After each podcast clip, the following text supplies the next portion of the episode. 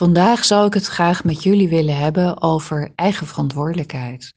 Eigen verantwoordelijkheid is een uh, item wat binnen Ananta, de HBO-opleiding, gedurende alle jaren van de opleiding als een rode draad door alle lessen heen loopt.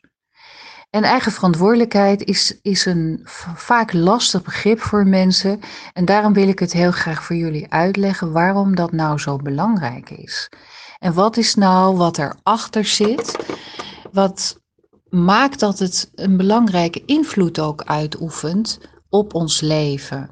En het nemen van verantwoordelijkheid voor jezelf, ja, dat is niet zomaar iets mensen denken vaak dat dat uh, als egoïstisch wordt ervaren, of juist dat het heel zwaar is om verantwoordelijkheid te nemen voor je leven. Zeker als je leven er helemaal niet zo fijn uitziet zoals je graag zou willen.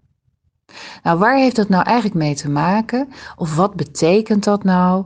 Het nemen van verantwoordelijkheid voor jezelf zegt eigenlijk dat alles in je leven, alles wat er gebeurt, alles wat op je pad komt, iedere ontmoeting die je hebt, iets zegt over jou.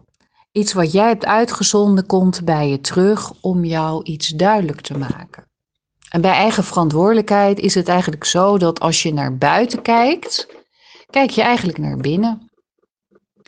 En dat is iets waar we even bij mogen gaan stilstaan. Want in onszelf zijn er heel veel zaken aanwezig, misschien uit het verleden, uit je kindertijd, situaties die er zijn geweest, die pijnlijk of vervelend waren en die je hebt weggestopt.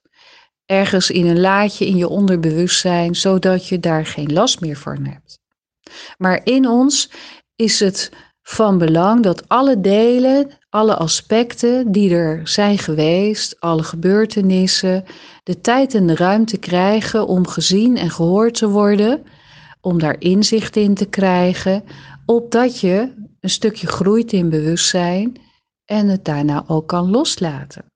Nou, voor de fijne, leuke dingen is dat natuurlijk heel makkelijk. Maar als je ziek wordt, ontslagen wordt, als er conflicten zijn in je leven, als je niet gelukkig bent, dan wordt het toch een stuk ingewikkelder om te zeggen, ja, dat is allemaal mijn verantwoordelijkheid. En vaak is het dan makkelijker om die verantwoordelijkheid bij iemand anders neer te leggen of bij je opvoeding, bij je ouders, bij het pesten op school, bij die meester die jou niet zag, bij de regering, de overheid, de samenleving, noem het maar.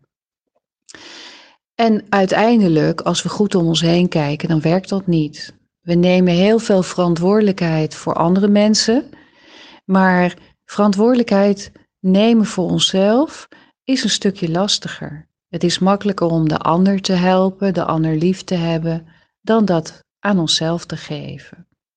Wat is nou eigen verantwoordelijkheid? Waar heeft dat nou mee te maken? Nou, als je Stel je voor dat je naar boven kijkt, naar de kosmos, en je ziet daar de zon en de planeten. We weten allemaal dat ze er zijn. En als je goed kijkt, en dat kun je ook googelen, dat is allemaal wetenschappelijk uh, bewezen, is dat de zon en de planeten, die hebben een bepaalde cyclus met elkaar. De planeten draaien om de zon heen, ieder op hun eigen snelheid in een cirkel.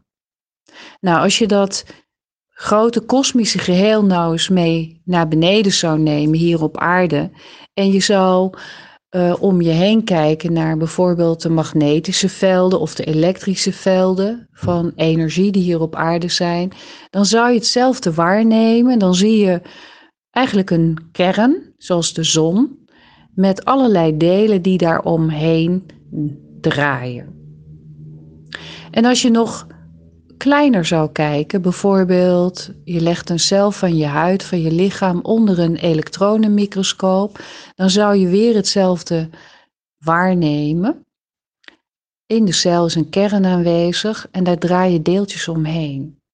Dus eigenlijk, als we op welk niveau dan ook kijken, zo boven, zo beneden, dan zien we dat alles uit dezelfde mat materiaal bestaat. Een kern met deeltjes die er omheen draaien.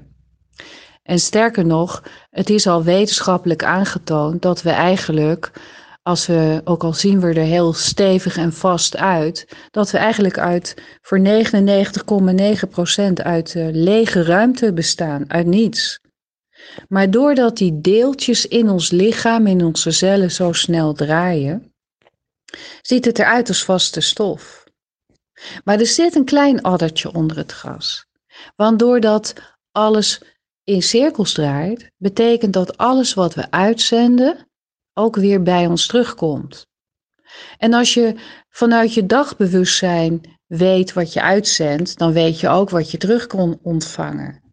Maar als er nou heel veel dingen in ons systeem zitten waarvan we niet meer weten wat er allemaal zit, maar wat nog wel gehoord en gezien wil worden, dan sturen we dat ook mee in onze energie, in onze uitdrukking, naar buiten toe. En dat komt dan, er komt ook een antwoord op terug. Dus alles wat je uitzendt, komt ook weer bij je terug. Nou, dat is voor het eerst een klein stukje wat ik graag al wilde uitleggen. Later vertel ik daar meer over. Ik hoop dat jullie het interessant vonden. Dank jullie wel.